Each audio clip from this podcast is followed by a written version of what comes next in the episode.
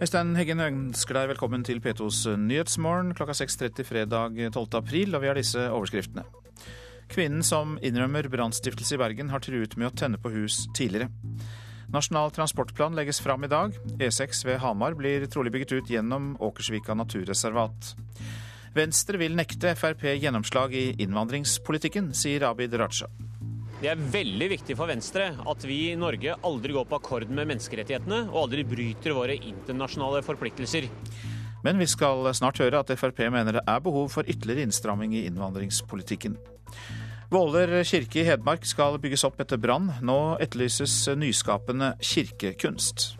Eh, det å ha gjort eh, kirkekunst tidligere trenger ikke være en forutsetning for å, å kunne være med og diskutere hva som er kirkekunst i, i vår samtid. Arkitekten bak nye Våler kirke, Espen Surnevik.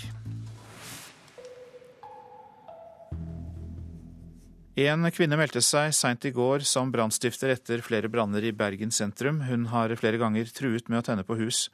Politiet har også forsøkt å få kvinnen tvangsinnlagt, skriver Bergens Tidende. Det brøt ut brann tre forskjellige steder i den tette trehusbebyggelsen ved Domkirken i 20-tiden i går.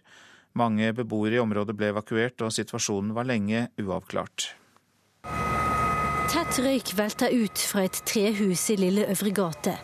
Den tette trehusbebyggelsen gjør at brannvesenet frykter spredning. Et steinkast unna brenner det også på Lepra-museet. Evakuerte står bak sperringene og fortviler over det de ser. Vi bor eh, rett, rett ovenfor. Og så eh, så vi også at det kom masse røyk fra taket, og at det kom flammer opp. Og så ble vi evakuert av brannvesenet. Det er utrolig trist, og egentlig veldig sjokkert. I 21.30-tiden er en tredje brann et faktum. En ulmebrann et annet sted i Lille Øvregate blir raskt slukket.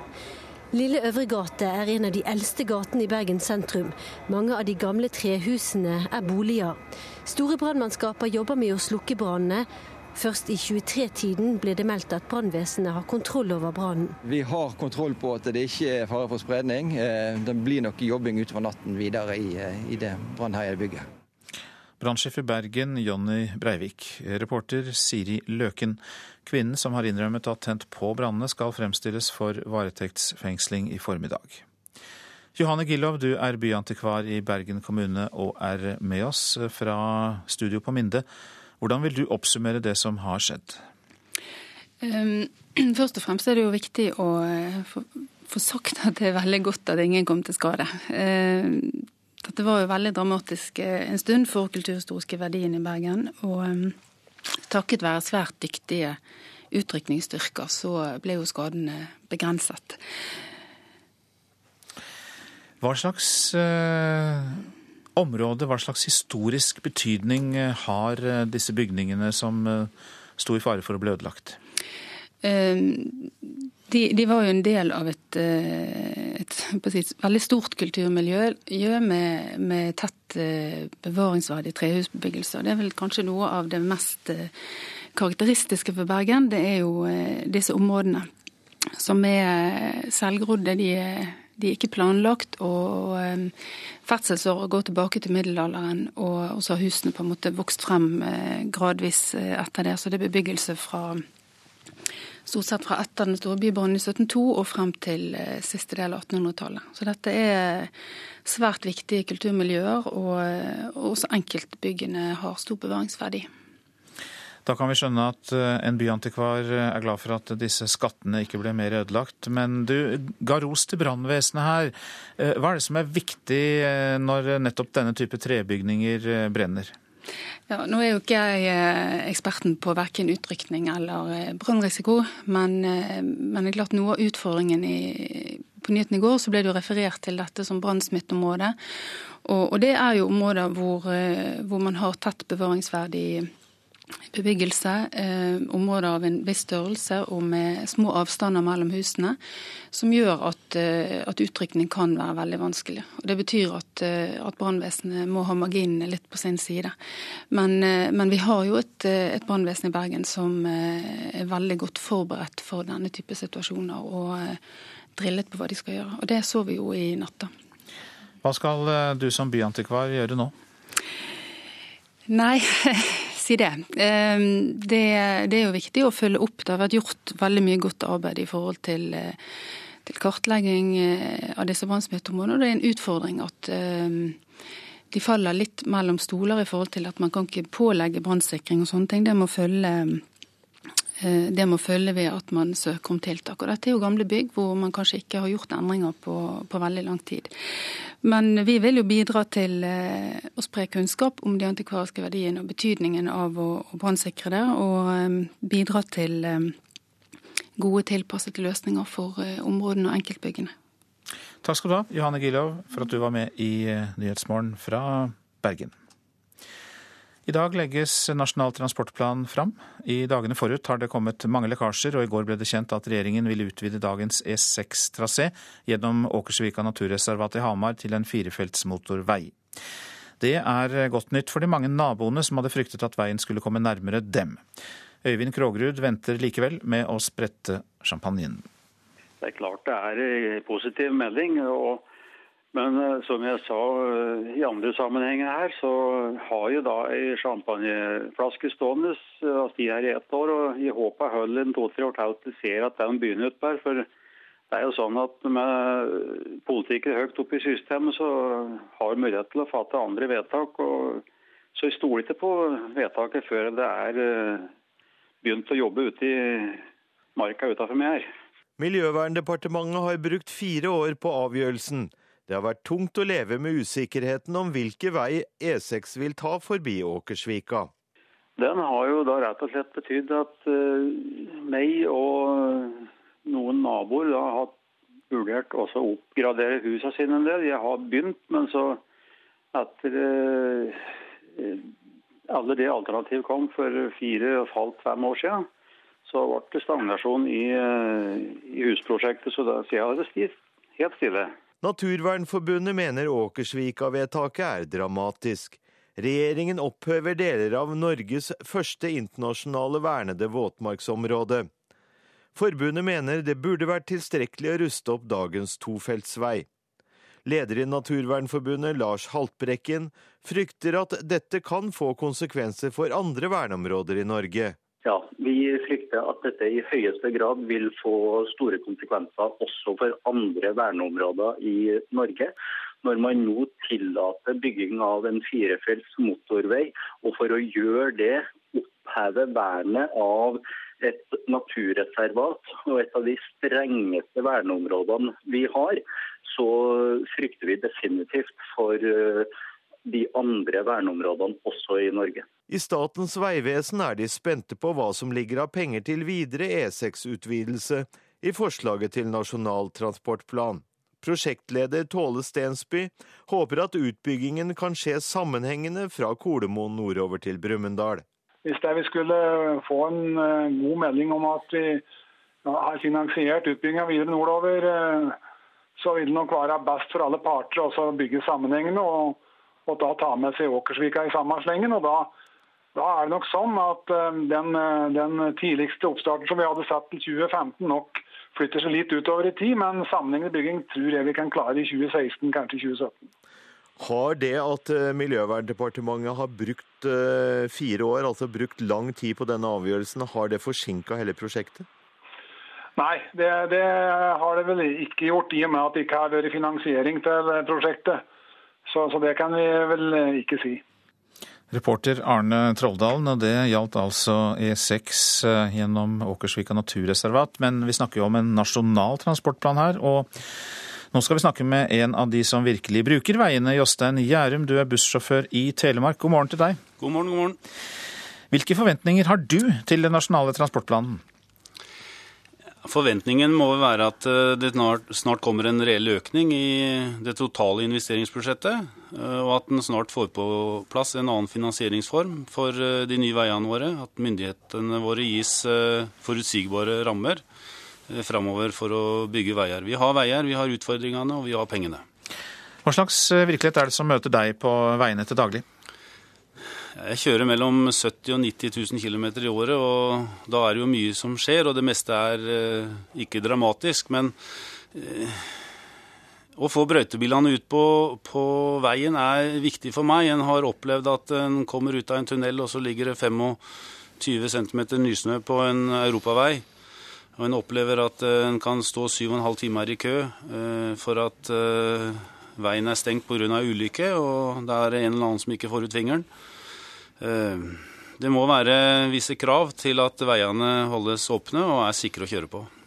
Og Så er det dette med kvaliteten på selve veiene også. da. Hvis du hadde vært eh, samferdselsminister, Gjerrum, Gjærum, hva hadde du tatt fatt i? ja, Det er jo drømmen, drømmen det, selvfølgelig. Ja, skal aldri si aldri. Nei. Eh, her er det snakk om prioriteringer, og samferdsel er kanskje ikke det viktigste vi driver med. Det er mennesker i verden som sulter, og det er barn og unge i Norge som ikke får den kjærlighet og trygghet de har krav på. Men eh, veipolitikk, eh, det kan også redde liv, og, det er klart at det må jo være prioritet nummer én, å bygge sikre veier som vi kommer godt fram på.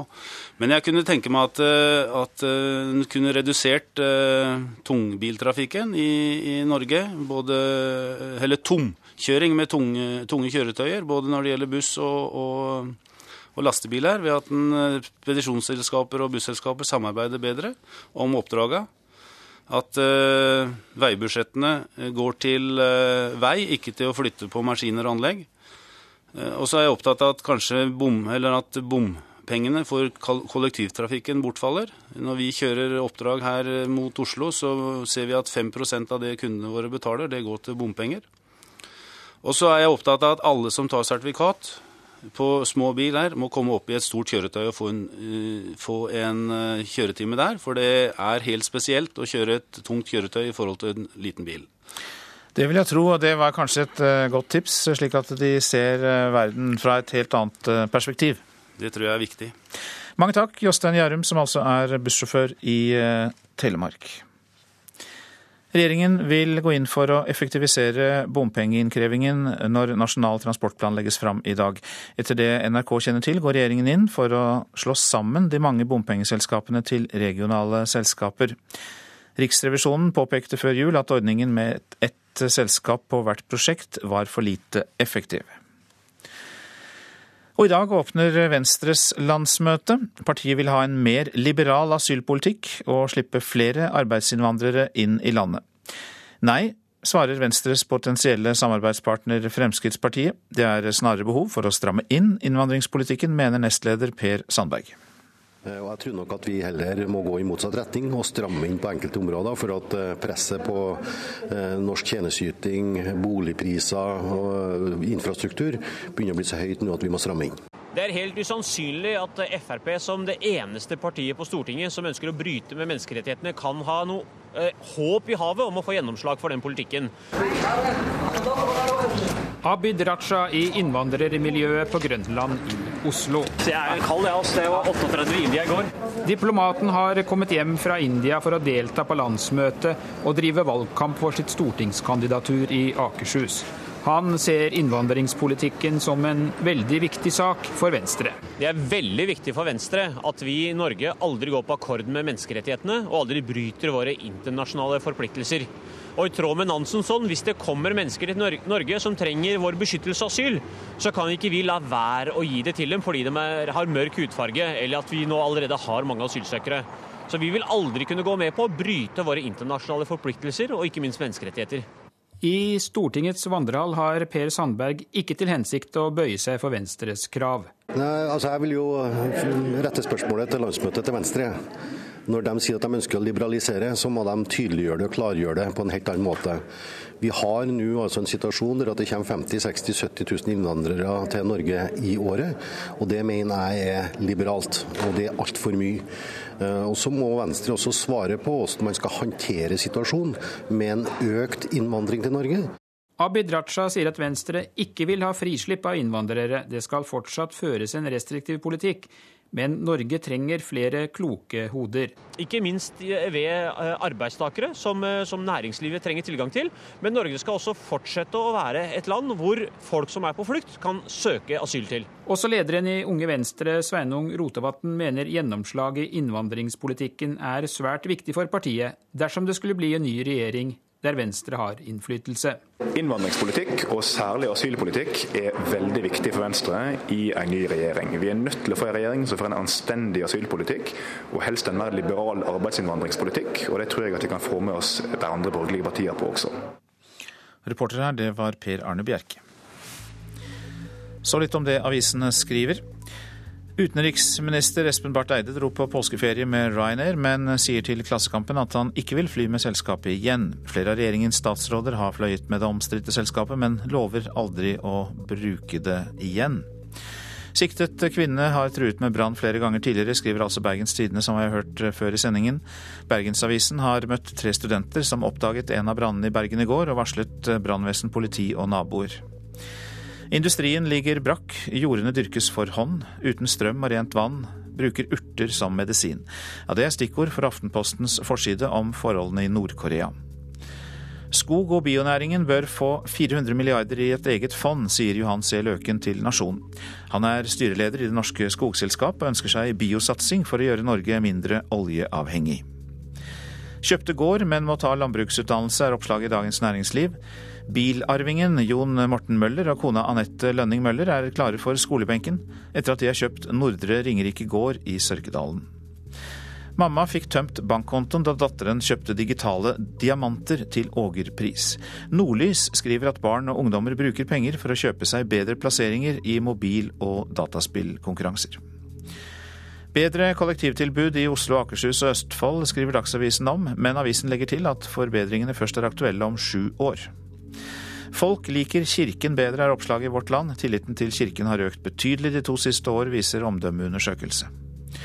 Den sykemeldte Knut Borge er på forsiden av Dagbladet. Han snakker om skuffelsen over ikke lenger å få lede programmet 20 spørsmål på NRK, men også om å komme videre med nye samtaleprogrammer om musikk.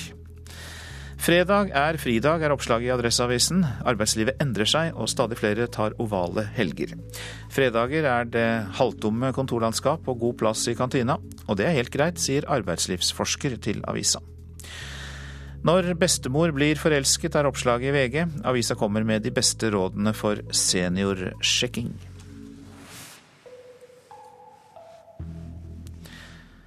Vålerenga måtte vinne på Jordal Amfi i den femte NM-finalen mot Stavanger Oilers eh, torsdag kveld. Og de vant eh, ishockeykampen og gleder seg eh, for VIF-trener Espen Sjampo Knutsen. Han tror på en ny finalefest i Stavanger på søndag. Nei, det blir en heksegryte der nede. Det er, det er sånn finaler skal være. Mye trykk og mye følelser, så vi gleder oss veldig til det. Vålerenga måtte vinne på Jordal Amfi i den femte NM-finalen mot Stavanger Oilers torsdag kveld. Det gjorde de, og nå gleder VIF-trener Espen Sjampo Knutsen seg til ny finalefest i Stavanger på søndag. Ja, det er klart det er det. Det er finaler som er mest morsomme. Og selvfølgelig å vinne finalen også er enda bedre, men eh, det er gøy å være her òg. For Vålerenga vant 3-1 på Jordal Amfi etter å ha kjempet Oilers ut av stilen. Om to dager møtes de igjen. Nok en gang har VIF kniven på strupen og må vinne. Men Stavanger Oilers har sine egne drømmer. Det har vært moro å åpne en ny hall med en kongepokal der eh, om noen dager, ja. Men da må vi spille bedre, ellers så får vi ikke den. Det sier Oilers-trener Petter Thoresen, som mener VIF vant fortjent på Jordal. Vålerenga er mye mer skjerpa, gjør mindre feil, eh, og vi er eh, litt for tamme til å vinne her på Jordal. Det er ikke noe tvil. Oilers-sjefen takket fansen for støtten på bortebane i går. Ja, Veldig deilig. Vi er ikke vant til, vant til å ha så mye folk på bortekampene våre. Så det er bra. De gjorde jobben sin. Synd ikke vi leverte litt bedre. Nå er det Stavanger som har hjemmekamp på søndag. Flytter serien seg hjem til Stavanger. Der blir det fullt hus. og ja, Seeren vår er vel fornøyd med det, så får vi satse avgjøre finaleserien der hjemme. Altså, det er ikke bare dumt å få hjemmekamp hit? Altså Når det har blitt som det har blitt, så er det ikke bare dumt. Men vi hadde veldig lyst til å avgjøre her i, i kveld. Nå får vi en ny sjanse på søndag. Da må vi gjøre jobben. Det sa Oslo-gutten og Stavanger Oilers-spilleren Lars Peder Nagel. Han og resten av laget håper å sikre seg NM-pokalen hjemme i egen storstue på søndag. Kampen starter klokken 19. Reporter på Jordal Amfi, det var Patrick Steen Rolands. Klokka den har passert 6.49. Vi har disse hovedsakene. Kvinnen som innrømmer brannstiftelse i Bergen, har truet med brannstiftelse tidligere, skriver Bergens Tidende. Uaktuelt å la Fremskrittspartiet få gjennomslag i innvandringspolitikken, mener Venstre. Nei, det er behov for innstramming, svarer Frp. Og vi skal snart høre at Shakespeare-komedien 'Når enden er god er allting godt' har norgespremiere neste helg.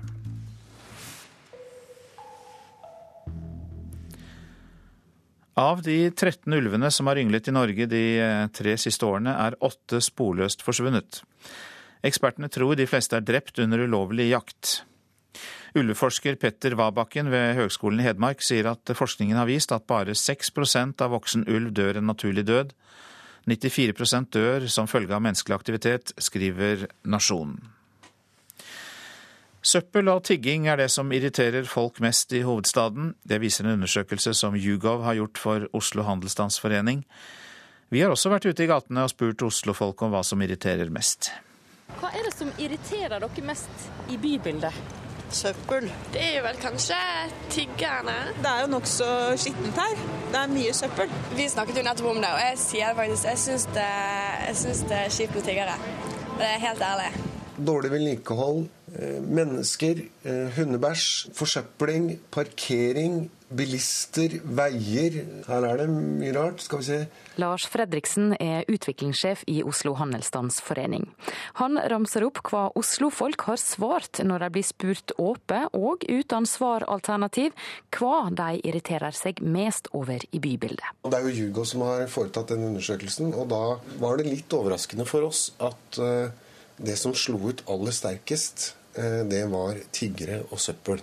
18% av de spurte i Oslo sier det er søppel, og like mange sier det er tigging de irriterer seg aller mest over.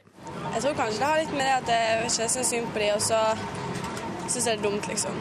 Og det, det som forundrer meg, det er at tiggere får lov til å sitte langs veggen på vårt storting. Det syns jeg er veldig, veldig underlig. Og det er jeg fra København. Og jeg sier 'jeg så ikke'. Jeg så ikke en eneste tigger. Hvorfor er det så irriterende med tiggerne? Jo, fordi at uh, du får litt dårlig samvittighet, og så føler du egentlig ikke du skal ha det. Det er jo fordi vi mistror om de er ekte tiggere, vel. At er, vi har litt på følelsen av at det er noe annet som står bak. et eller annet. Hva som gjør dere mest glad da i bybildet? Det er når alle de fine blomstene kommer uh, i bedene her. Det varierte butikker og for oss er det litt greit å steder hvor det går an å komme inn med barnevogn. jeg syns det er koselig å se folk, jeg. Ja. Det er veldig mange her med veldig kul stil ja. i forhold til det i Bergen. Her, for jeg synes folk er flinkere her. Undersøkinga viser også at det Oslo-folk setter aller mest pris på i bybildet, er andre folk. Det er jo det aller viktigste. Det er kanskje ikke så overraskende, men hyggelig for oss da, som jobber med handel, eh, og jeg som jobber i Oslo Handelsstandsforening, er jo at butikker kommer så høyt opp. Eh, og det jeg tenker da, er at eh, butikker blir en viktig del av, eh, av det å utvikle bybildet. Reportasjen var laget av Ingvild Tanstad. Man skulle kanskje tro at alle skuespillene til William Shakespeare er blitt satt opp på norsk, men det er ikke tilfellet. Neste helg er det norgespremiere på komedien 'Når enden er god er allting godt' ved Rogaland Teater.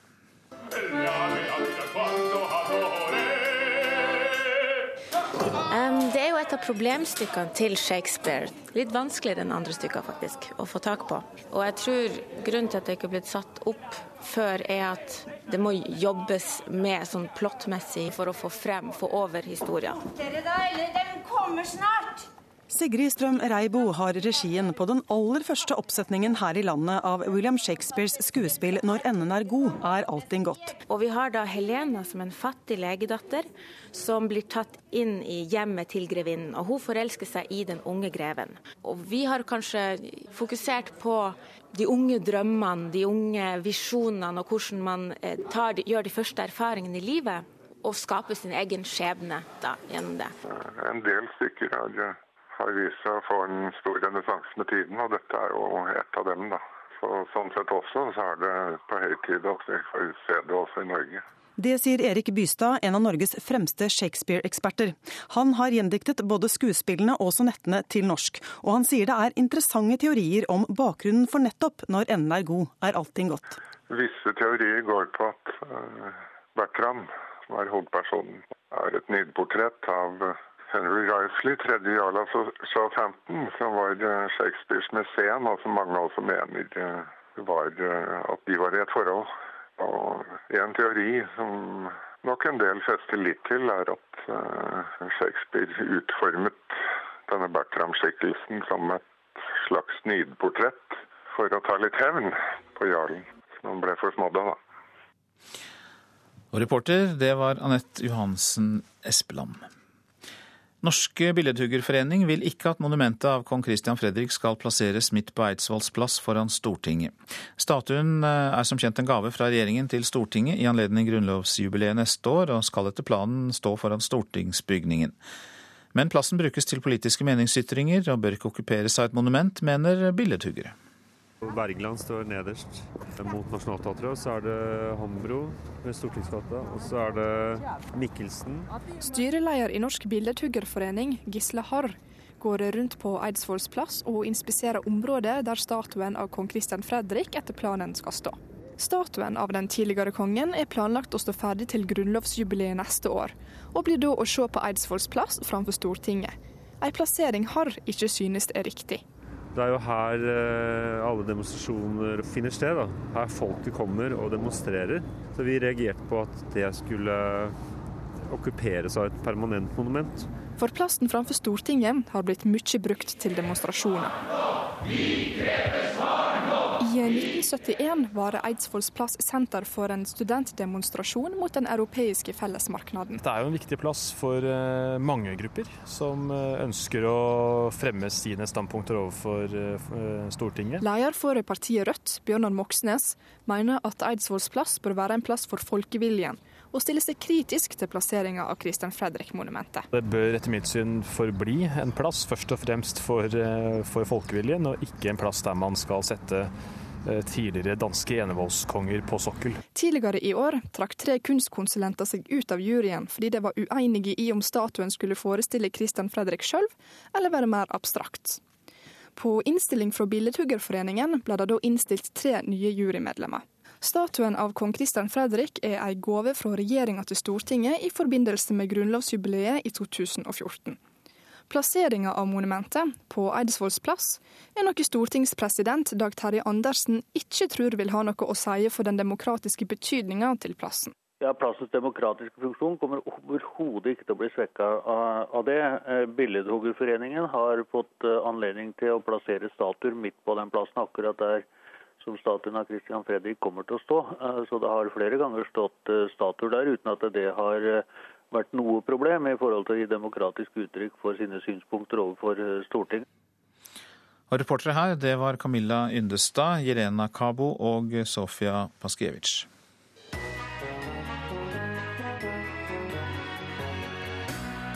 Radioselskapet presenterer Selskapslekene, fredagskviss på P2. Ukraina, Uganda, Ungarn, Uruguay Fire deltakere møtes til quiz på direkten og kjemper om en splitter ny DAB-radio. Da får vi tippe to. Ja, ja, ja. fantastisk bra tippet. Gratulerer.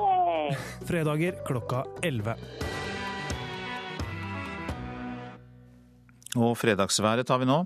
Fjellet i Sør-Norge. Sør for Jotunheimen østlig kuling utsatte steder. Litt snø i sør. I nord delvis skyet, stort sett opphold.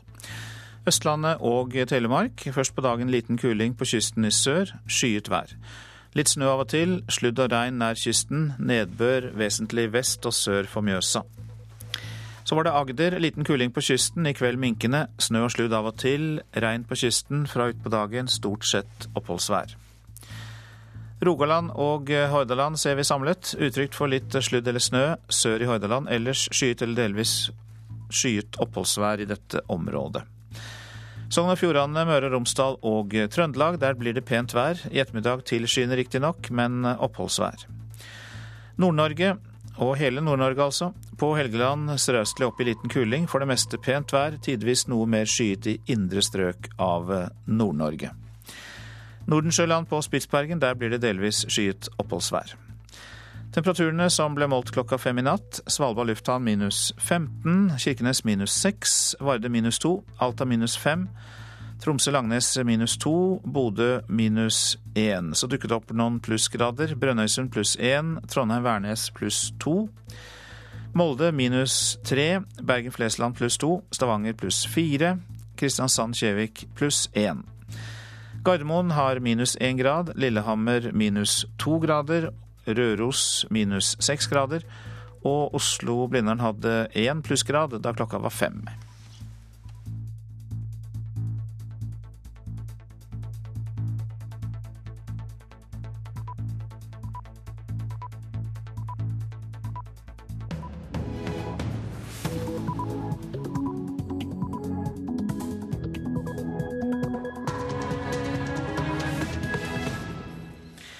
Ja, nå er klokka blitt eh, sju, og du lytter til eh, Nyhetsmorgen. Vi har en nyhetsoppdatering. Nordmenn bruker mer av inntekten sin på transport enn andre europeere, og samtidig er norske veier svært dårlige. Det her gjør vi til tross for at vi er også det rikeste av landet. sånn at i absolutte penger så bruker vi jo da en enda mer sammenlignet med de andre landene i Europa. Direktør i Transportøkonomisk institutt, Kjell Werner Johansen. Og det har blitt dyrere å fly. Billettene har steget kraftig i pris. Hvis en ser de siste 15 månedene nå, så har prisene steget jevnt oppover. Eh, og Norge er et lukrativt marked, dette er mest lukrativt i Europa. Flyanalytiker Ivar Andreas Lemchen Juel i meglerhuset Fondsfinans. Kvinnene innrømmer å stå bak branner i Bergen, tre branner i tett trehusbebyggelse i går kveld. Lønnsoppgjøret for 150 000 statsansatte starter i dag. Akademikerne ville ha et moderat oppgjør. Vi trenger et eh, oppgjør som er innenfor moderate rammer, men med klare og tydelige prioriteringer i forhold til hvordan pengene skal brukes. Akademikernes forhandlingssjef Rikke Ringsrød. Hugo Chávez politiske arving Nicolas Maduro er favoritt foran presidentvalget i Venezuela. Nyhetsmorgen. Nordmenn bruker mer av sin disponible inntekt på transport enn andre europeere, og samtidig er veiene dårligere her enn i andre land. Biler, bensin og reiser er dyre, sier assisterende direktør i Transportøkonomisk institutt, Kjell Werner Johansen. Det her gjør vi til tross for at vi er også det rikeste av landet. sånn at i absolutte penger så bruker vi jo da en enda mer sammenlignet med de andre landene i Europa. Innbakt i disse utgiftene er også bompengeutgiftene. Senere i dag legger regjeringa frem planene for vei, bruer og jernbane de neste ti årene. Bård Hoksrud, samferdselspolitisk talsmann i Fremskrittspartiet, frykter enda høyere transportutgifter når veiene i sentrale strøk skal rustes opp. Jeg er redd for at de bare eh, putter hele den regninga over på bilistene i form av bompenger, og at det egentlig er det som er regjeringas satsing i, i, de store byene og rundt de store byene. Og så vil man legge inn noe ekstra penger fortsatt i distriktene. Og så vil man oppleve en konflikt med de som da føler at de betaler veldig mye bompenger, mens da en del av pengene forsvinner til en del prosjekter hvor man har veldig lav trafikk. Det er grunn til å anta at regjeringen kommer til å si at den vil bruke historisk mye på vei og bane. Sier professor i samfunnsøkonomi Hilde C. Bjørnland ved BI om hva hun tror regjeringa kommer til å skryte av i dag. Men i forhold til hvor mye penger som brukes, er veistandarden sørgelig, mener Bjørnland. Og Et av problemene her er jo at til tross for at vi bevilger, så får vi ikke så mye igjen. Fordi vi har en veldig fordyrende prosess gjennom mye detaljstyring. Politikerne skal jo bestemme både hvor mye som skal investeres, og hvor det skal investeres. Transportforsker Knut Boge ved Høgskolen i Oslo og Akershus mener at bl.a. fordi lokalpolitikere har så stor makt, så har vi fått så dårlige veier mellom landsdelene. Så er jo dette et kjempeproblem, fordi transportkostnadene i Norge er mye høyere enn i land vi liker å sammenligne oss med. Og så er gjennomsnittshastigheten på stamveien i Norge den er nesten halvparten av hva, hva den er på, i land vi liker å sammenligne oss med. Reporter her, det var Linda Reinholdsen. Dersom eh, Vikafjellstunnelen i Sogn og Fjordane ikke er med i Nasjonal transportplan, er løftene fra de rød-grønne ikke verdt papiret de er skrevet på. Det sier ordfører i Vik i Sogn, Marta Finden Halseth, som selv er medlem av Arbeiderpartiet. Gjennom 50 år så har kravet vært eh, trygg helårsvei over det værutsatte Vikafjellet, og i dag kommer da svaret. Reporter Noralv Pedersen, du er på kommunehuset i Vik selvfølgelig. Fortell oss om forventningene. Ja, For eh, innbyggerne i Vik så er det mye som står på spill i dag. Eh, vi vet at Nasjonal transportplan viser hva slags veier, bruer, jernbanestrekninger og altså tunneler som regjeringen vil bygge de neste ti årene. Så for å få en plass i køen av veiprosjekt, så må Vikafjellstunnelen være inne i Nasjonal transportplan i dag. Og Ordfører i Vik, Marta Finden Halseth, eh, hva slags forventninger har du i dag? I dag er vi selvsagt svært, svært spente. Og vi eh, er nesten sikre på at Vikafjellsvegen ligger inne etter alle år med mye valgløfter. Så eh, har vi ei svært god vond i dag.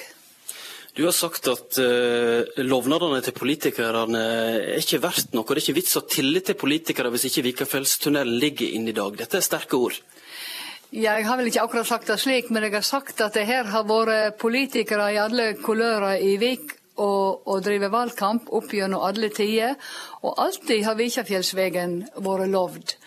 Så, så, jeg ser fram til at vi nå er inne på NTP-en, slik at vi skal få drive en god valgkamp framover. Men er det rett å bruke 1,6 milliarder kroner på en tunnel til eh, en kommune med ca. 3000 innbyggere? Nå er dette en kommune som er helt uten, uten stabilt veisamband, for det første. Og for det andre så er ikke dette en, vik, en vei bare for kommunen Vik. Det er en vei som vil gi utvikling og vekst for hele Sognaregionen og for Vossaregionen. Da vil Sognaregionen komme inn på jernbanenettet på Voss, og vi vil komme eh, med vel to timers bilkjøring til Bergen sentrum. Det har svært mye å si for, for næringsutviklingen og for tilflytning i denne regionen.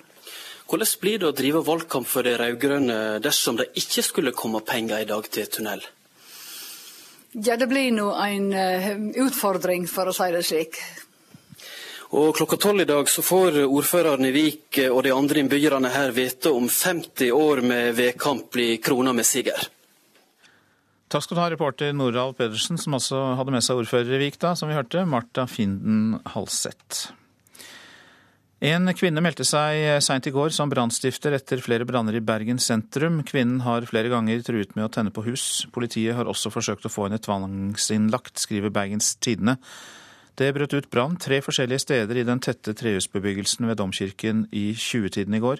Mange beboere i området ble evakuert, og situasjonen var lenge uavklart. Tett røyk velter ut fra et trehus i Lille Øvre gate. Den tette trehusbebyggelsen gjør at brannvesenet frykter spredning. Et steinkast unna brenner det også på Lepra-museet. Evakuerte står bak sperringene og fortviler over det de ser. Vi bor eh, rett, rett ovenfor. Og så eh, så vi også at det kom masse røyk fra taket, og at det kom flammer opp. Og så ble vi evakuert av brannvesenet. Det er utrolig trist, og egentlig veldig sjokkert. I 21.30-tiden er en tredje brann et faktum. En ulmebrann et annet sted i Lille Øvre gate blir raskt slukket. Lille Øvre gate er en av de eldste gatene i Bergen sentrum. Mange av de gamle trehusene er boliger. Store brannmannskaper jobber med å slukke brannene. Først i 23-tiden ble det meldt at brannvesenet har kontroll over brannen. Vi har kontroll på at det ikke er fare for spredning. Eh, det blir nok jobbing utover natten videre i, eh, i det brannherjede bygget. Det sa brannsjef i Bergen, Jonny Breivik. Reporter Siri Løken. Kvinnen som har innrømmet å ha tent på brannene, skal fremstilles for varetektsfengsling i formiddag. Det er blitt dyrere å fly. Det er særlig billettene på innenlandsruten i Norge som har steget kraftig i pris, og ekspertene tror det kan bli enda dyrere framover. Flyr litt opp til Svalbard, og der det er blitt mye dyrere enn bare for et år siden. Hvem er dyrere enn det var for et års tid siden? Det var billigere, billigere når jeg flytta hit og fly fra Oslo opp, enn det er nå. Mange flypassasjerer på Tromsø lufthavn mener flyprisene har steget i det siste. Og de har rett, sier flyanalytiker Ivar Andreas Lemekken Juel i meglerhuset Fondsfinans.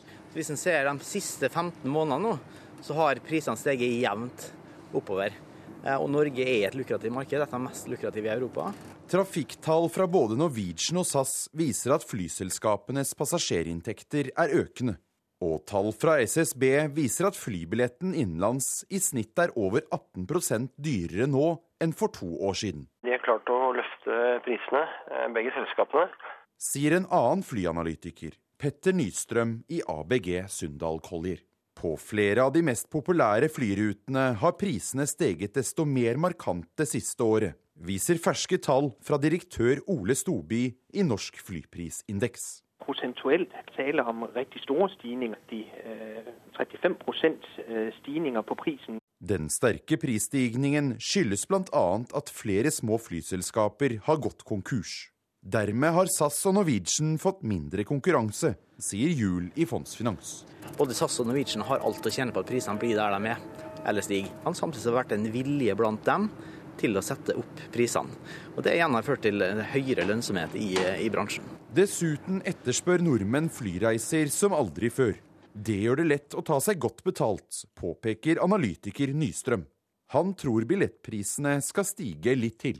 Flyselskapene har, har eh, lettere for å øke prisene nå, når de allerede har flyene ganske fulle. Innenriks Norge så vil jeg si at markedet virker ganske beskyttet. Men Norwegian mener prisene slett ikke er høye, sier informasjonssjef Lasse Sandaker Nilsen. Kan, vi, kjøper ikke helt den påstanden om at det er blitt uh, dyrere å fly. I Tromsø håper uansett mange på nye flyavganger fremover. Flere håper det kan senke prisene. Det vil jeg tro, i og med at det er stort sett bare to-tre, maks tre selskap som flyr herfra. Det er enten tidlig på morgenen eller så er det seint på kvelden. Det er klart, Har det mer konkurranse, så blir prisene lavere. Så de kan godt uh, suse på med litt konkurranse dem imellom. Et ønske om konkurranse til slutt der. Reporter Sindre Heierdal og professor i samfunnsøkonomi Frode Steen ved Norges handelshøyskole. La oss ta denne oppfordringen fra siste intervjuobjekt videre. Hva tror du om mulighetene for mer konkurranse og lavere priser igjen? Jeg tror nok at vi kommer til å se veldig mye av det samme som vi har sett. For det at nå når markedsandelene har blitt ganske like på SAS og Norwegian, og for så vidt riktig som det ble sagt her, det er de, de deler dette markedet nå, og fokuset til Norwegian egentlig ikke er så mye å ekspandere hjemme som å ekspandere ute, så tenker jeg at vi har fått en situasjon der begge selskap har et ønske om å ikke ha for tøff konkurranse her hjemme. Så hva kan flypassasjerene da på innenriksrutene vente seg fremover? Jeg tenker nok at det er mye av det samme. Det er jo litt viktig å skille på priser her. Det er klart at eh, Jeg har ikke sett statistikken nå, men det finnes alltid billige billetter. Det er jo mer snakk om i hvilken grad eh, f.eks. fleksible billetter er litt høyere priset. Og det er jo snakk om tilgjengelighet på, på de forskjellige billetttypene. Er du overrasket over at prisene har gått opp, altså 18 i løpet av et par års tid? Ja og nei. Det har jo lagt veldig lenge rolig. Jeg tenker vel at dette er et produkt av at, eh, at konkurransen antageligvis nå ikke er like tøff som den var, fordi at Norwegian nok ikke er like sulten som de var hjemme. Det er jo mange som lurer på hvordan de skal skaffe seg billige flybilletter. og er det noen spesiell ukedag vi bør sikte oss inn på? Nei, dette har jeg faktisk sett uh, folk som har sett på. og um, Det er ikke sånn at liksom, tirsdagen er billigflydagen eller sånn. men det som... Uh, så, så, så, det er ikke noe større poeng. Men det som er et poeng, det er faktisk å være flink til å søke på når du skal reise, og i til, tilstrekkelig grad i forkant av reisetidspunkt. Eksempelvis er det billigere på formiddagen enn det er på ettermiddag og morgen når forretningsreisende skal reise. og det kan være billigere å reise torsdag morgen enn fredag morgen osv. Så, videre. så dette dreier seg veldig mye om å tilpasse seg kapasiteten til flyplassene. Har, har, de mye kapasitet, så blir det ofte billige billetter. Er det også noe med å bestille i veldig veldig god tid i forveien for å få billig billett? Ja, det varierer litt på tvers av selskap, dette, men generelt er regelen sånn. For lavprisselskaper som Ryanair så er det kun det som gjelder. Eh, være tidlig ute. Og eh, så Norwegian sitt eh, system for billettsalg fungerer veldig mye i retning av at vær tidlig ute, så får du billige billetter. Men er det også sånn at flyselskapene ser at de ikke har solgt unna nok, og så plutselig kan det bli lavere priser igjen tettere inn til avgang? Det oppstår også, kanskje? Ja, kanskje mer, vil jeg tro, for uh, min erfaring når vi har sett på, har sett på dette. Så virker det mer som det kan skje typisk hos store nettverksselskap sånn som KLM og SAS.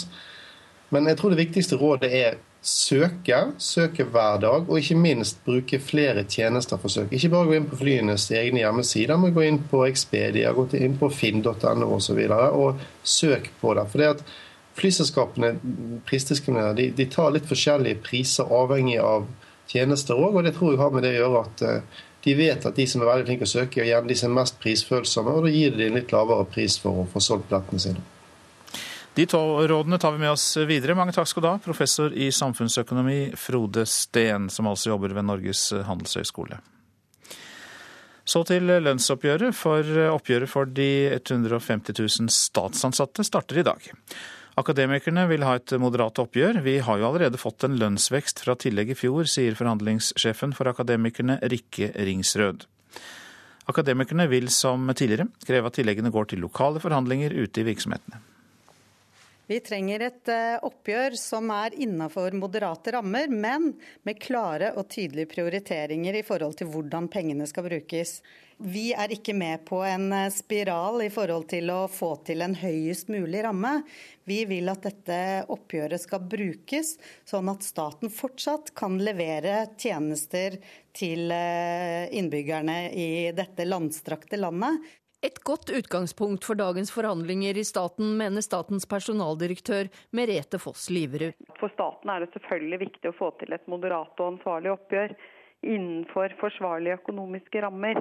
Det er, det er veldig viktig for oss å ta det ansvaret. Og så er vi selvfølgelig glad for at akademikerne sier at de ønsker et fornuftig oppgjør, og det opplever vi at alle, alle de fire hovedsammenslutningene ønsker å få til. Så det er vi glad for. Og de ansatte har allerede fått en reallønnsvekst, siden avtalte tillegg i fjor gir større lønnsvekst i år enn prisstigningen. Det betyr likevel ikke at statsansatte godtar en blåkopi av det moderate oppgjøret for industrien, sier YS statleder Pål Arnesen. Dette frontfagsresultatet fra privat sektor, det skal ikke være noe tak. Eh, det kan ikke være sånn at eh, statlig sektor eller offentlig sektor eh, kan si blir nulla ut for å ha selvstendige forhandlinger og selvstendige krav. Jeg tror alle forstår at dette er et moderat oppgjør, men vi kan ikke ha en blåkopi av det som er resultatet i privat sektor. Vi er et selvstendig forhandlingsområde, men moderasjon det tror jeg preger alle inn i dette oppgjøret. Siden nesten ni av ti ansatte i staten er funksjonærer, har YS Unio og de andre ansatteorganisasjonene et mål om at både lønnsutvikling og nivået på lønningene bedre må gjenspeile like grupper i privat sektor. Det sier leder av Unio Stat, Arne Johannessen. Så må vi ikke glemme at eh, funksjonærene som vi sammenligner oss med i privat sektor, de er ikke begynt å forhandle ennå. De skal forhandle lokalt. Derfor er ikke det fasiten som ligger på bordet nå. Spørsmålet i år er altså hva som er moderat lønnsvekst for den voksne gruppen funksjonærer i Norge, gitt at industrien og frontfaget får en lønnsvekst på 3,4% LOs statleder Tone Rønholdtangen ønsker seg forhandlingsløsning. Samtidig mener Unio, LO og YS at de lavest lønte i staten ikke må bli hengende etter i lønnsutviklingen.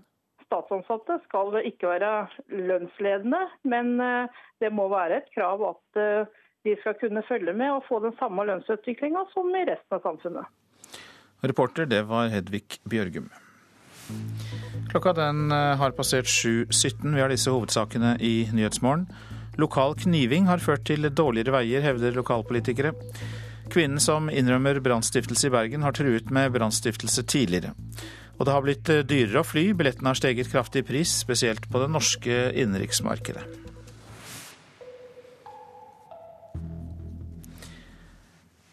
Avdøde Hugo Chávez eh, håndplukket eh, sin politiske arving Nicolas Maduro til eh, å overta hans arv, og han er også da favoritt til å vinne søndagens presidentvalg i Venezuela. Chávez døde som kjent av kreft for litt over en måned siden. Men opposisjonens kandidat Enrique Capriles nekter å gi opp kampen om makten, og forfatter og journalist Eirik Wold, du er kommet til oss i studio. God morgen til deg. Du kjenner jo Venezuela godt og kommer ut med bok om Chávez snart. Hvilke muligheter har opposisjonsleder Capriles? Ja, De siste meningsmålingene gir alle sammen Chávez arvtaker en rundt 10-15% forsprang. Det er ingen tvil om at den største sympatien ligger på venstresiden.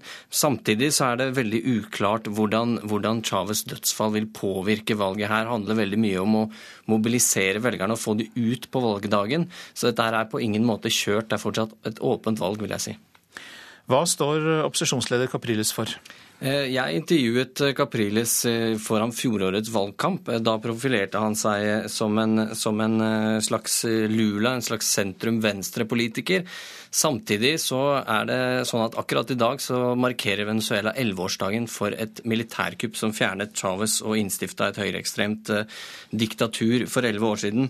Og Capriles var en av de tydeligste, mest synlige deltakerne i dette militærkuppet. Men han har altså vært dyktig til å gå langt til venstre, i hvert fall i retorikken siden. og Det er derfor han nå er blitt håndplukket som, eh, som opposisjonskandidat. Han har opposisjonens desidert beste kort. Men meningsmålingene bare for å understreke det, Erik Vold, de tyder på at det så langt at uh, Maduro vinner? Det gjør de. Ja. Men eh, Chávez var jo omdiskutert og kontroversiell. Eh, hvordan blir det å ta over etter en så til de grader markant politiker? Nei, jeg tror alle, alle, i Venezuela vet både til høyre og venstre at det er ingen i Venezuela, knapt i Latin-Amerika, som når Chávez til anklene som, som karismatisk retoriker og som politisk strateg. Eh, Maduro må basere seg mye mer på, på et slags kollektivt, eh, kollektivt lederskap, og, og, han må også satse på at det er, nå er det prosjektet til Chávez og ikke Chávez sin karisma som, som står i sentrum for hans, eh, for hans kampanje.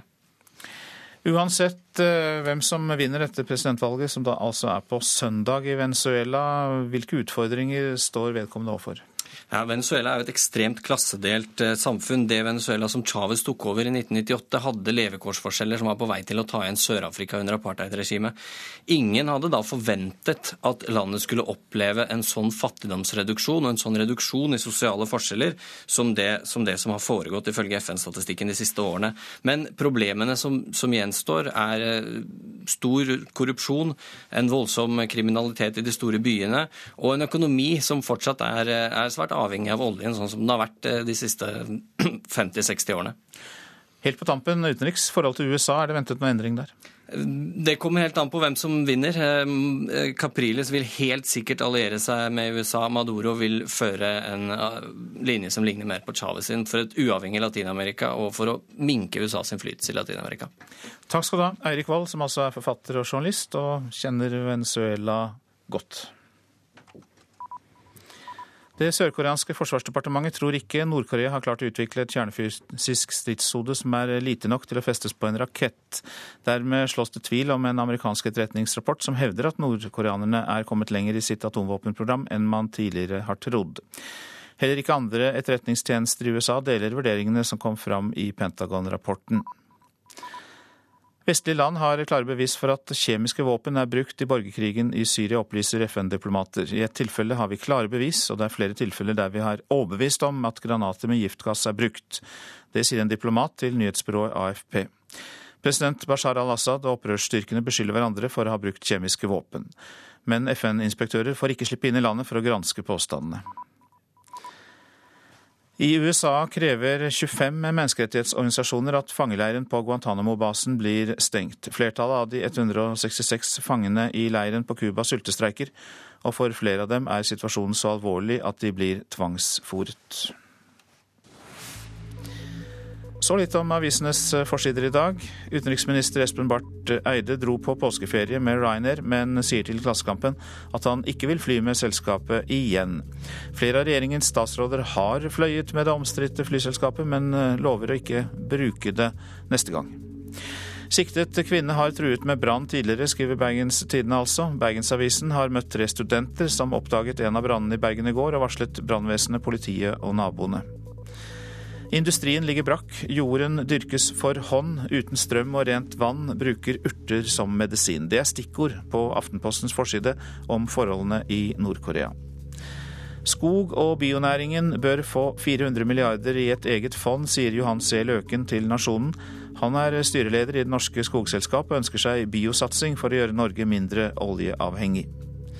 Kjøpte gård, men må ta landbruksutdannelse, er oppslaget i Dagens Næringsliv. Bilarvingen Jon Morten Møller og kona Anette Lønning Møller er klare for skolebenken etter at de har kjøpt Nordre Ringerike gård i Sørkedalen. Mamma fikk tømt bankkontoen da datteren kjøpte digitale diamanter til ågerpris. Nordlys skriver i dag om at barn og ungdommer bruker penger for å kjøpe seg bedre plasseringer i mobil- og dataspill. Bedre kollektivtilbud i Oslo, Akershus og Østfold skriver Dagsavisen om på sin forside i dag, men legger til at forbedringene først er aktuelle om sju år.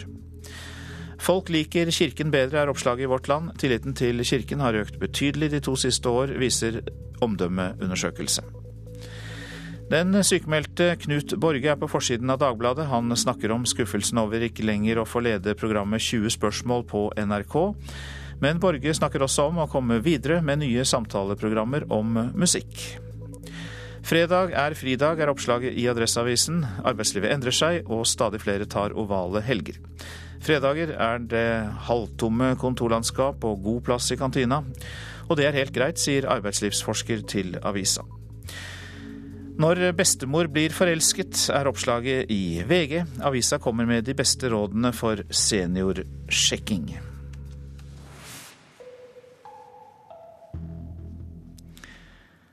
Det var en 42 år gammel mann fra Lier som omkom i kjedekollisjon på E18 ved Liertoppen i går. Det opplyser politiet. En 41-åring er siktet for uaktsomt drap etter kollisjonen. Stadig flere bruker gass til oppvarming og matlaging. Ifølge tall fra Direktoratet for samfunnssikkerhet og beredskap er det i dag fastmonterte propananlegg i over 3600 boligsameier og småbedrifter i landet vårt. Men mange er uvitende om farene ved manglende vedlikehold og feil bruk av gassutstyr. Sånn, ja. Sånn ser det ut. Ja, her har vi jo da kundesentralen. Her kommer jo rørledningen opp fra bakken, og så går inn Branninspektør Arild Olsen er på kontroll i bostadsameiet Kastanjehagen i Hillevåg i Stavanger. Så går det videre da oppover til hver enkel leilighet. Det er gassanleggene som skal under lupa i den landsomfattende aksjonen til brannvesenet. For eh, stadig flere av oss bruker gass til oppvarming og matlaging. Ifølge tall fra Direktoratet for samfunnstrygghet og beredskap er det i dag fastmonterte propananlegg i over 3600 boligsameier og småbedrifter i landet vårt. I boligblokker er det styret i sameiet som har ansvaret for dokumentasjon, kontroll og vedlikehold av gassanlegget. Men langt fra alle har gode nok rutiner, sier branninspektør Olsen. Det er noen plasser heldigvis som har nesten alt i orden. Så er det noen plasser som de har ingenting. Og dette her skyldes jo da stort sett uvitenhet. Og uvisse om gassanlegg og regelverk gir grunn til bekymring. For gassystemer krever ettersyn og kontroller. Hvis ikke er det fare for lekkasjer og eksplosjoner. Det kan gå skikkelig galt, ja. Men det er stort sett de plassene som det ikke har vært kontroll på anlegget. Det har jo vært eh, rundt omkring i landet lekkasjer, og det har ført til at gassen har trengt inn i eh, enten et tavlerom eller heismaskinrom. Og med en gang det blir eh, kontakt i en bryter eller en termostat, så, så, så det er nok til å antenne gassen. Og så har det blitt eksplosjoner av det. Her ser du gassrørledningen som går opp. Og så er det en egen kundesentral for alle de som har inni hver leilighet. Inspektøren ser på gassrøra som stikker ut av leilighetene i Bustadblokka. Disse må på ingen måte dekkes til. Vi har vært ute for tilfeller der disse her utluftingen fra peisen, pipene, har stått eh, nærmere terrassen, så har de glassa inn. og Det òg er jo sånn uvitenhet som folk eh, gjør da. Tilsynet i Kastanjehagen gikk greit, og styreformannen lover at all dokumentasjon skal på plass. Men har du fremdeles spørsmål om gassen der du bor etter denne reportasjen, er brannvesenet klare til å svare på spørsmål. Vi er jo like mye til hjelp for folk til å rettleie som vi er å kontrollere. Ja, For målet her er å hindre at alvorlige ting skjer? Målet er her er å hindre at det skjer uhell. Vi skal ikke ha uhell på gass. Det, vi skal ikke ha omkomne i brannen, og vi skal ikke ha noen uhell på, på boliggass. Reporter her, det var Magnus Stokka. Danske privatsykehus sliter med dårlig økonomi. Siden 2011 har elleve av dem gått konkurs. Samtidig går ytterligere åtte med underskudd eller har negativ egenkapital. Det skriver avisa Børsen. Regjeringens utvidede behandlingsgaranti skal ha bidratt til å presse privatsykehusene økonomisk, ifølge avisa. Det politiske vedtaket betyr at de offentlige sykehusene kan beholde pasientene i lengre tid. Du lytter til eh, Nyhetsmorgen. Produsent i dag Vidar Eidhammer. Her i studio Øystein Heggen. Og vi minner om at i verdens yngste stat Sør-Sudan er oljekranene åpnet igjen. Vi får høre mer om det i reportasjen etter Dagsnytt. Og så er det Politisk kvarter. Der er landsmøtet i Venstre tema, men selvfølgelig også Nasjonal transportplan som blir lagt fram i dag.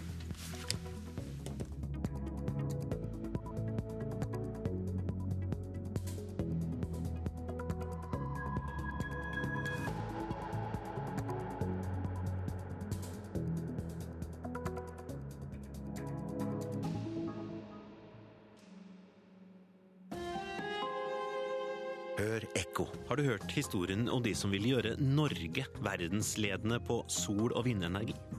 i landet som flyter over av olje og gass. Det verste er at de tror på det fortsatt, og at det kommer til å gi mer penger i kassa enn oljen. Er de naive eller smarte? Ekko 9 11 i NRK P2.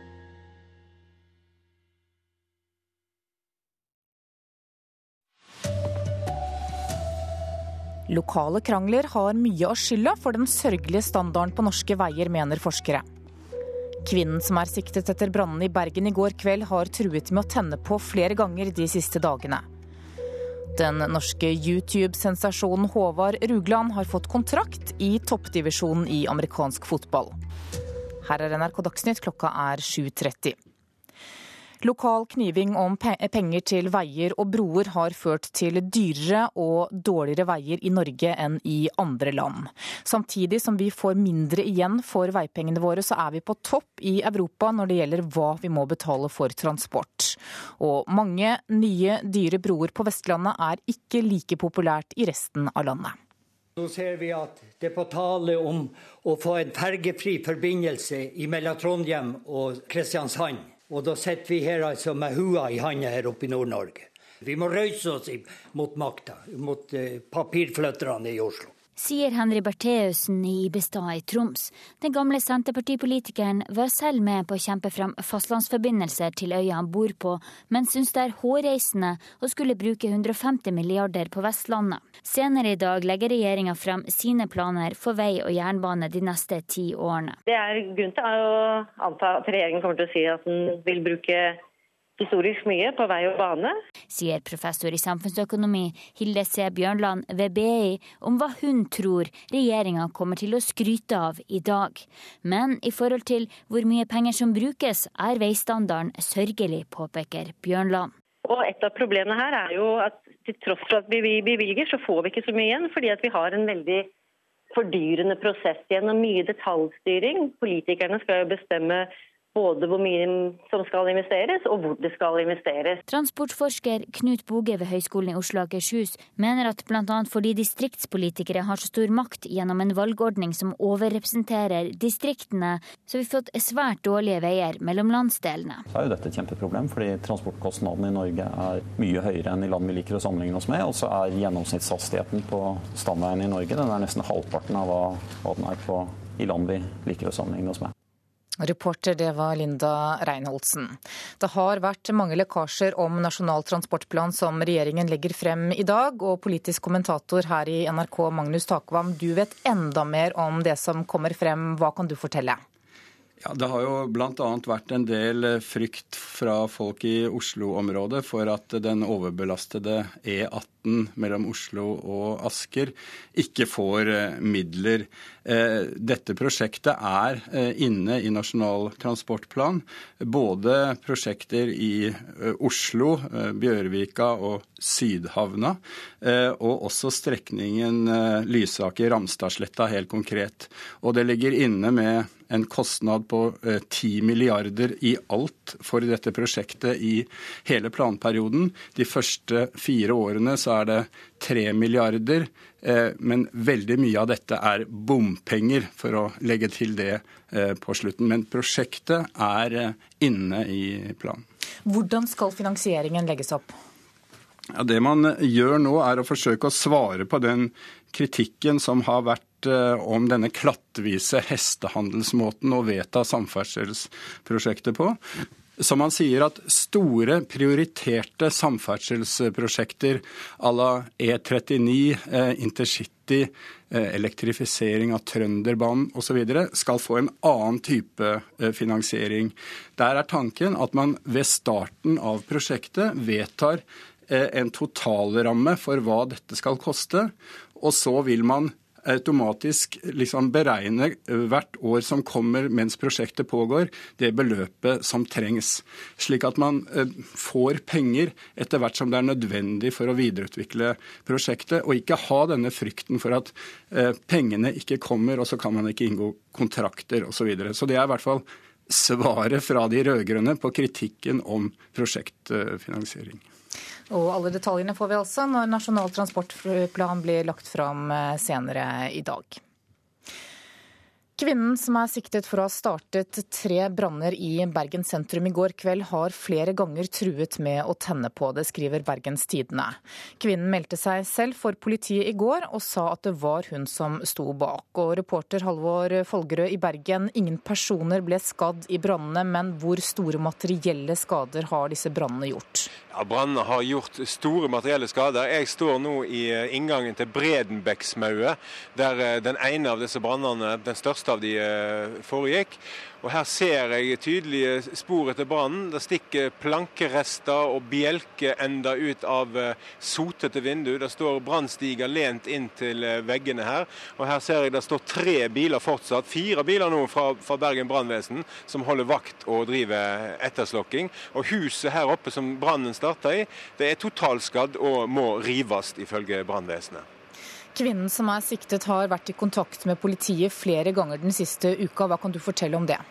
Da kan jeg egentlig ikke fortelle uh, særlig mye mer om. Politiet er veldig sparsomme med opplysninger om denne kvinnen. Uh, de skal ha en pressekonferanse klokka ti der de skal fortelle mer om uh, det. Men Bergens Tidende spekulerer altså i at denne kvinnen skal ha forsøkt å tent på flere ganger, og, og um, at politiet skal ha forsøkt å få innlagt på psykiatrisk.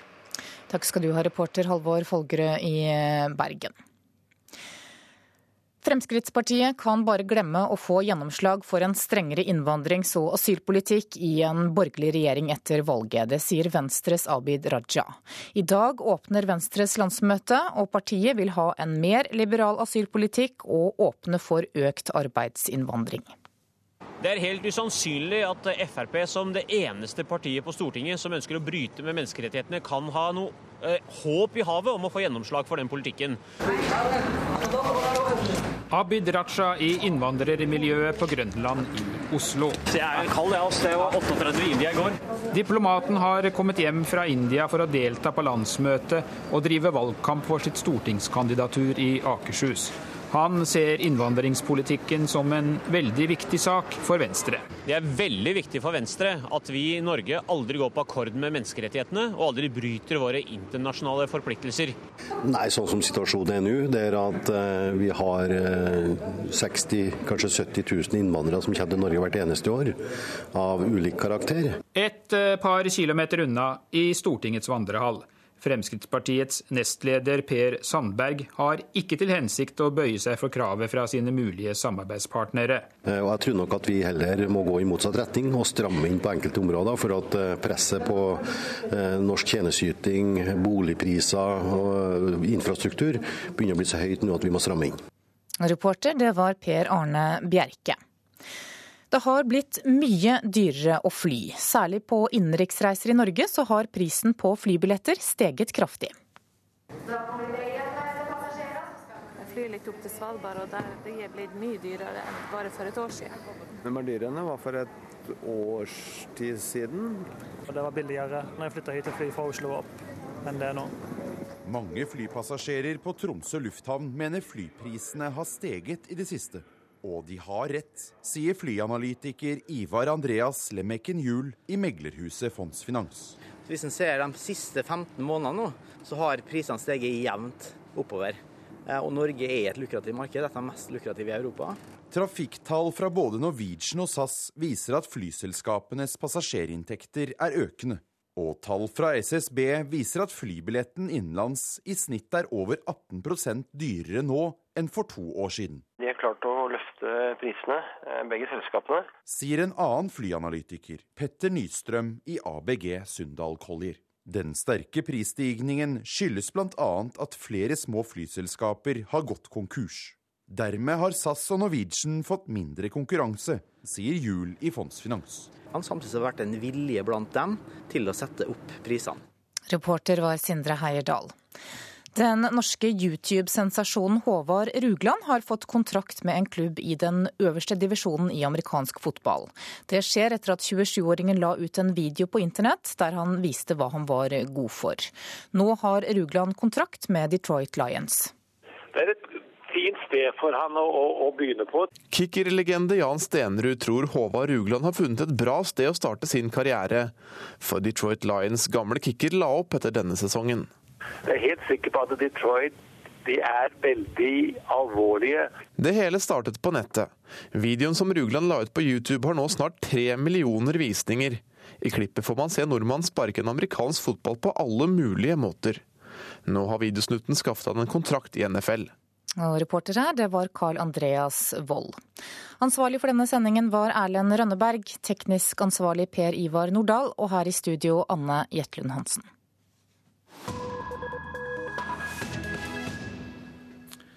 I Sør-Sudan er oljekranene åpnet igjen. De første leveransene til verdensmarkedet er allerede på vei rør gjennom nabolandet Sudan til utskipningshavn ved Rødehavet. Men olje- og transportavtalen mellom de to nasjonene satt langt inne. Det rapporterer Afrikakorrespondent Lars Sigurd Sunnanå, som har sendt denne reportasjen fra Nairobi.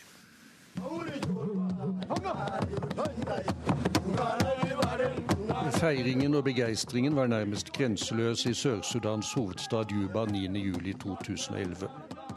Etter nesten 20 år med blodig borgerkrig og seks år med krevende forhandlinger også etter fredsslutningen i 2005, var sør-sudanerne endelig kommet i mål. Verden hadde fått en ny afrikansk nasjon. Løsrivelsen fra erkefienden Sudan, naboen i nord, var et faktum. Nå kunne oljefeltene i Sør-Sudan og milliardinntektene fra dem sørge for bygging av veier og sykehus, skoler og strømforsyning i et land som manglet det aller meste. Men så, etter noen få måneder, stilnet jubelen. Oljen fløt ikke som den skulle. For å få den ut på verdensmarkedet var Sør-Sudan avhengig av rørledninger som går gjennom Sudan frem til en utskipningshavn ved Rødehavet. Og på veien så det ut som om president Omar al-Bashirs regime i Khartoum hadde tjuvtappet og forsynt seg med betydelige mengder. De stjeler oljen vår, sa president Salva Kiir og hans regjering i Juba. Som i januar i fjor svarte med å stenge oljekranene, landets absolutt viktigste inntektskilde. I Juba møtte jeg statssekretær Torgeir Larsen i Utenriksdepartementet da den dramatiske nedstengningen av Sør-Sudans oljefelter var kunngjort. Skulle det komme til det at Sør velger å kutte alle sine inntekter og leve uten inntekter årevis framover, så vil naboene være engstelige for stabiliteten her.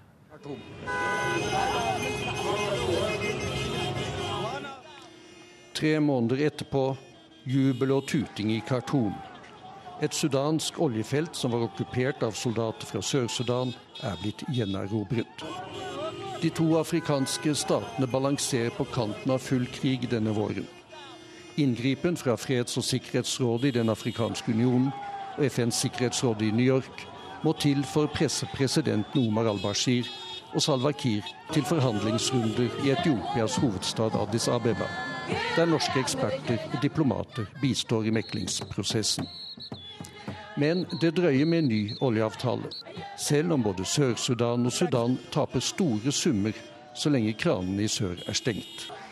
I nord knirker samfunnsøkonomien for al-Bashir når inntektene fra rørtransporten av Sør-Sudans olje uteblir. Salwa Kiir taper likevel mest. Han må ta opp nødlån fra Kina og Qatar for å holde statsapparatet og samfunnsmaskineriet gående i Juba. Ett år og tre måneder etter at oljekranen i Sør-Sudan ble skrudd til, kommer det derfor ikke overraskende på internasjonale observatører at de nå er åpnet igjen. Nød lærer også presidenter å spille. Both of their positions will be strengthened by the fact that the oil will start, so there will be a lot more money in the coffers. Begge styrker sine posisjoner nå som oljeproduksjonen starter, sier dr. Cedric Barnes, Sudan-ekspert ved International Crisis Groups regionkontor her i Nairobi. Langt flere penger i kassen gir dem alberom til å gjennomføre politiske manøvre både i Khartoum og Juba. Derfor er jeg sikker på at oljen fra sør snart vil nå utskipningshavnen ved Rødehavet igjen, sier han. Dette er Nyhetsmorgen, og dette er hovedsaker. Nordmenn bruker mer av sin inntekt på transport enn andre europeere, og samtidig er veiene dårligere her enn i mange andre land, sier assisterende direktør i Transportøkonomisk institutt, Kjell Werner Johansen. Det har blitt dyrere å fly, billettene har steget kraftig, spesielt på det norske innenriksmarkedet. Og lønnsoppgjøret for 150 000 statsansatte starter i dag. Akademikerne vil ha et moderat oppgjør. Venstre åpner sitt landsmøte i dag, og programleder for Politisk kvarter, Bjørn Myklebust, du er på landsmøtehotellet på Fornebu sammen med partilederen. Siden forrige stortingsvalg har Venstre fått ny partileder og nye venner.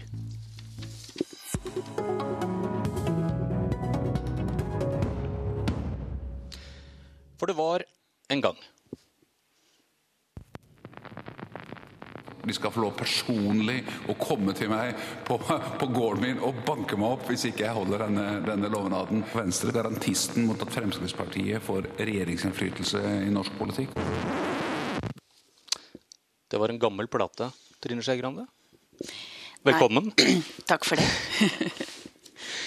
Løftet fra Lars Bonheim er fire år gammel, fra før forrige stortingsvalg, og kastet på historiens skraphaug.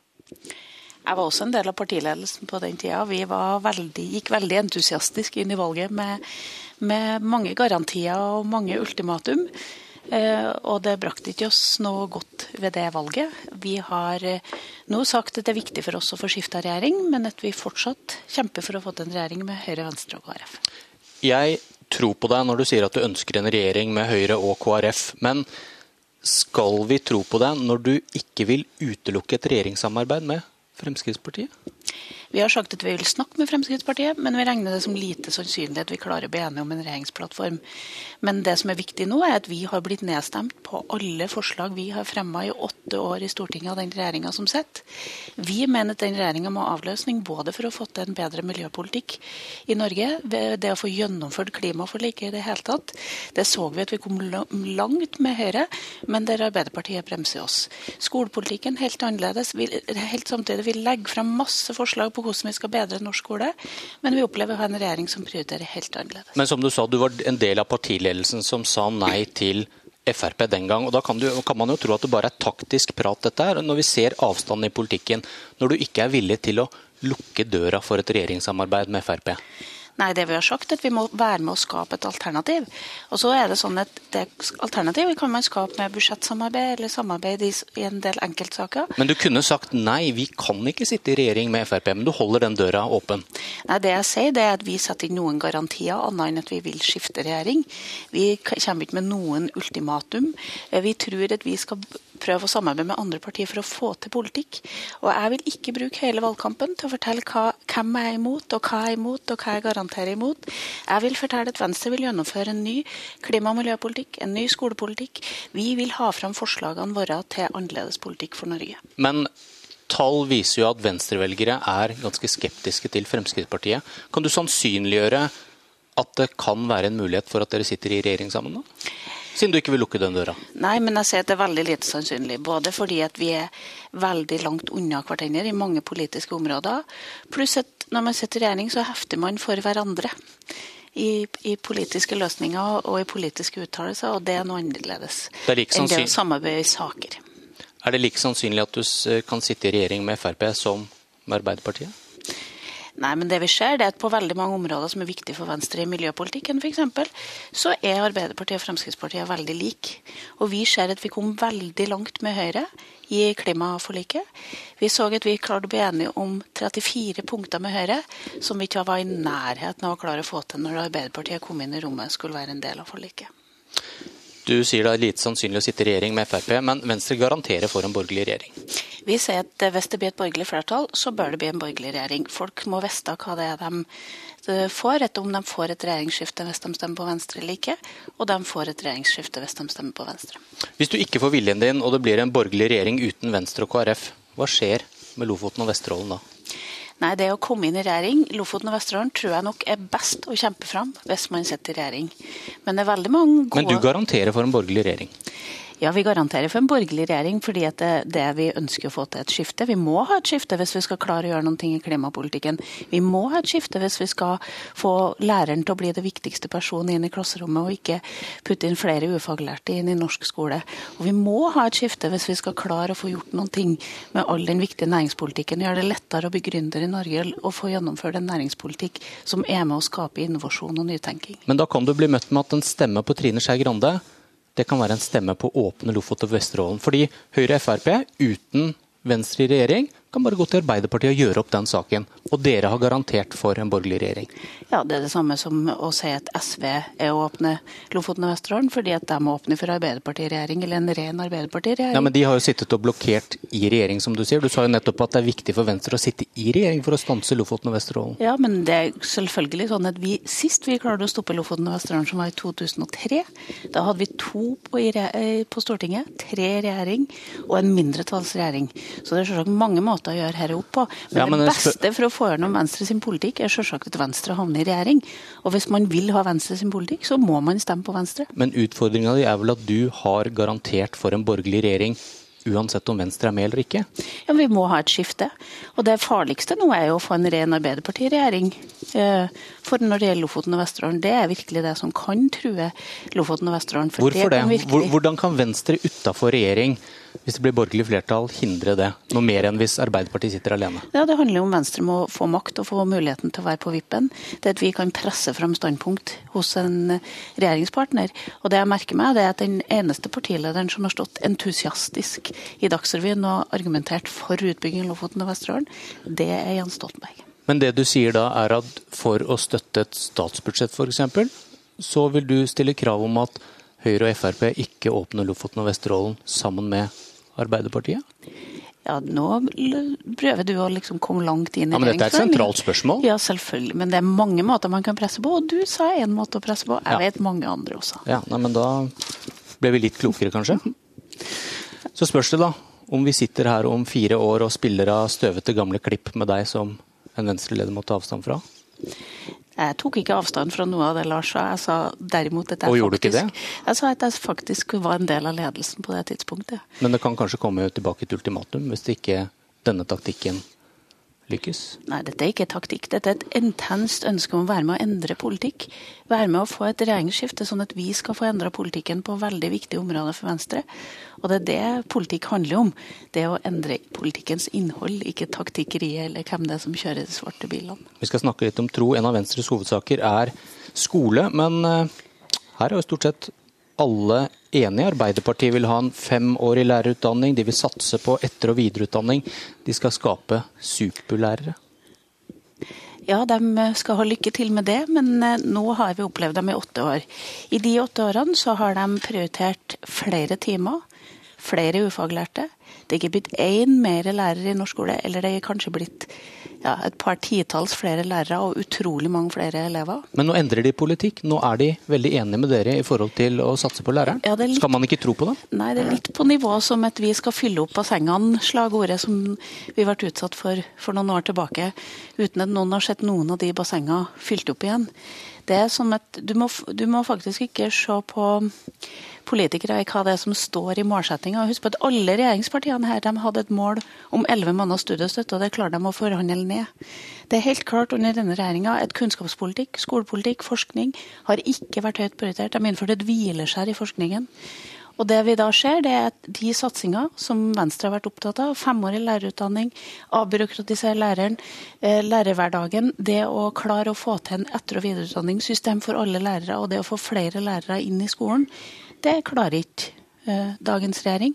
De stemmer imot alle forslagene når Venstre foreslår dem, og så skriver de det fint inn i programmet sitt og forhandler det bort når de skal sette i regjering. Men det å ikke tro på det et parti vedtar, er det ikke det venstresiden driver på nå med blåkopi, og du kan, du kan se hva Høyre vedtar, men du skal ikke tro på dem? Nei, jeg mener at du må se på hva folk gjør. Hva er det de gjør når de sitter med makta i åtte år? Hva er det de gjør når de har fullstendig makt til å prioritere innenfor skolen? Jo, da har de putta inn flere timer med lærere som ikke finnes. Vi har 9000 ufaglærte i norsk skole. Vi har foreslått det skal legges fram en plan for å gjøre de ufaglærte til faglærte gode lærere også med papirene sine i behold. Det har vi blitt nedstemt på. Og jeg må se på hva folk faktisk stemmer, og ikke hva de sier. Og de stemmer mot det de sier. Men Da skal vi høre om du, du gjør som du sier selv. Erna Solberg sier at Høyre er mot utbytte fra privatskoler. Og så likevel så sier du dette denne uka. Sterke krefter i Høyre vil åpne for utbytte fra privatskoler. Det skal Venstre kjempe mot med nebb og klør. Gjør du ikke akkurat det samme som Venstre sier, og sier at vi ser hva Høyre har politikk, men skal, skal ikke stole på dem. Ja, Nå gjenstår landsmøtet å se. Det jeg merker meg, det er et store, tunge fylkeslag som Hordaland og Oslo i, i Høyre mener at man skal ta utbytte. Og da får vi se hva landsmøtet ender med. Det jeg vet, det er at jeg satt faktisk i det rommet som forhandla den friskoleavtalen som var grunnlaget for friskoleloven som regjeringa la fram. Jeg vet at, Venstre da, at Høyre da var for å ta ut utbytte. Venstre var mot. Og det var vi som vant i den forrige regjeringa, og vi må vinne det igjen.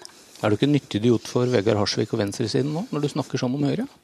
Nei, jeg mener det er store forskjeller mellom høyre og venstre, og hvis folk ikke oppdager det, så skal vi gjøre dem oppmerksom på det òg. Det er klart det blir forskjell på en regjering om det blir et stort venstre, eller om det ikke blir et venstre som sitter rundt det bordet. Og det er det som folk faktisk kan velge ved høstens valg, om de ønsker en blå-grønn regjering eller en mørkeblå. Og så var det det med taktikk igjen. Tallene viser vel at du er avhengig av å stjele velgere fra Erna Solberg for å komme over sperregrensa? Det er der dine velgere stikker av? Ja, vi, vi, må ta tilbake velgere fra mange partier. og Vi ser at det, det, største potensialet Venstre har, det er med både Arbeiderpartiet og Høyre.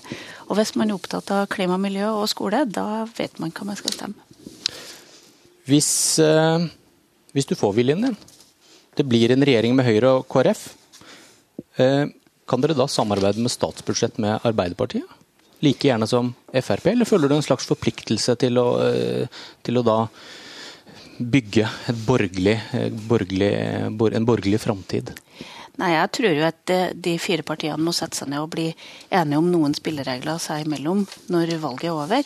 Eh, jeg har ikke noe problem med å lage budsjetter med, med Fremskrittspartiet. I Oslo for eksempel, har vi sittet og laga budsjetter lenge. Vi har ikke sittet i byråd sammen, men vi har laga budsjetter sammen.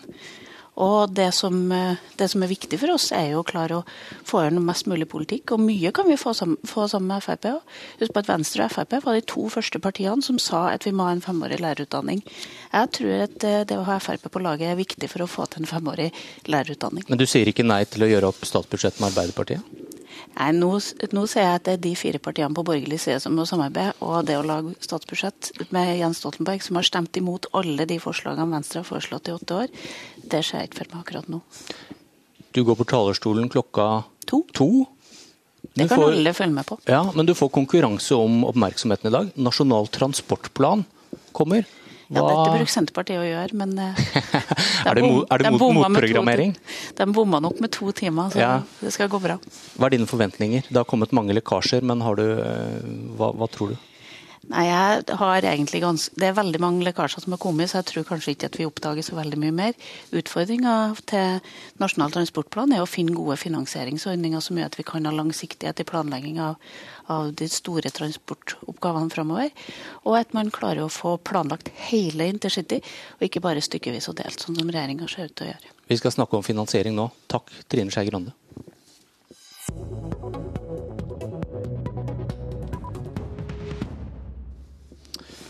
Politisk kommentator Magnus Takvam, du har fått vite mer om hva som kommer i Nasjonal transportplan. og Det har vært mye debatt om hvordan man skal betale for vei og bane. og Hva er, det, hva er regjeringens svar? Ja, jeg tror eh, at dette vil bli en av de store eh, debattene etter Nasjonal transportplan. Fordi eh, enkeltprosjektene som er lekket ut, tror jeg ikke så mange er uenig i hvis det er mulig å finansiere dem. Men eh, det du spør om også, det er at eh, den nyordningen som eh, regjeringen presenterer, er at den for spesielt store og prioriterte prosjekter vil ha en langsiktig finansiering. Det kan være prosjekter som intercity, E39. Det blir også nevnt elektrifisering av Trønderbanen og E10 i Nord-Norge f.eks., som eksempler på denne typen prosjekter som kan få denne typen eh, finansiering. Det man da gjør, er at Stortinget ved starten av prosjektet, når det er godkjent og skal settes i gang, eh, gjør en bevilgning med en tidsfrist og en økonomisk eh, ramme la oss si på seks år, eller hva det nå tar å, å, bygge dette. Og så vil man i dette prosjektet ha sikkerhet for at pengene kommer når de trengs. Og eh, de som jobber med dette, kan gjøre kontrakter og avtaler uavhengig av skal vi si, frykt for å få nok penger på neste års budsjett. Så det er i hvert fall skal vi si, regjeringens svar på den eh, kritikken som opposisjonen har hatt om nettopp dette. Og Hva slags debatt får vi nå da? Jeg tror eh, en, eh, i, i valgkampsammenheng så er det klart at eh, regjeringen leverer fra seg et opplegg som har en voldsomt stor kostnadsramme, økende etter hvert. Så det vil bli en snakk om, en snakk om prioritering av den typen samferdselspolitikk i åra framover, eller skattelette. Regjeringen vil fokusere på uenigheten på borgerlig side om bompenger og eh, økonomisk politikk mellom Høyre og Frp. Så at dette går inn i det mønsteret som de rød-grønne legger opp til i sin eh, valgkamp. Så får vi se om det hjelper. Så langt har jo ikke lekkasjene om NTP gikk, gitt en særlig utslag på meningsmålingene. Ok, takk til deg, politisk kommentator Magnus Takvam. Politisk kvarter i dag er slutt. Jeg heter Bjørn Myklebust.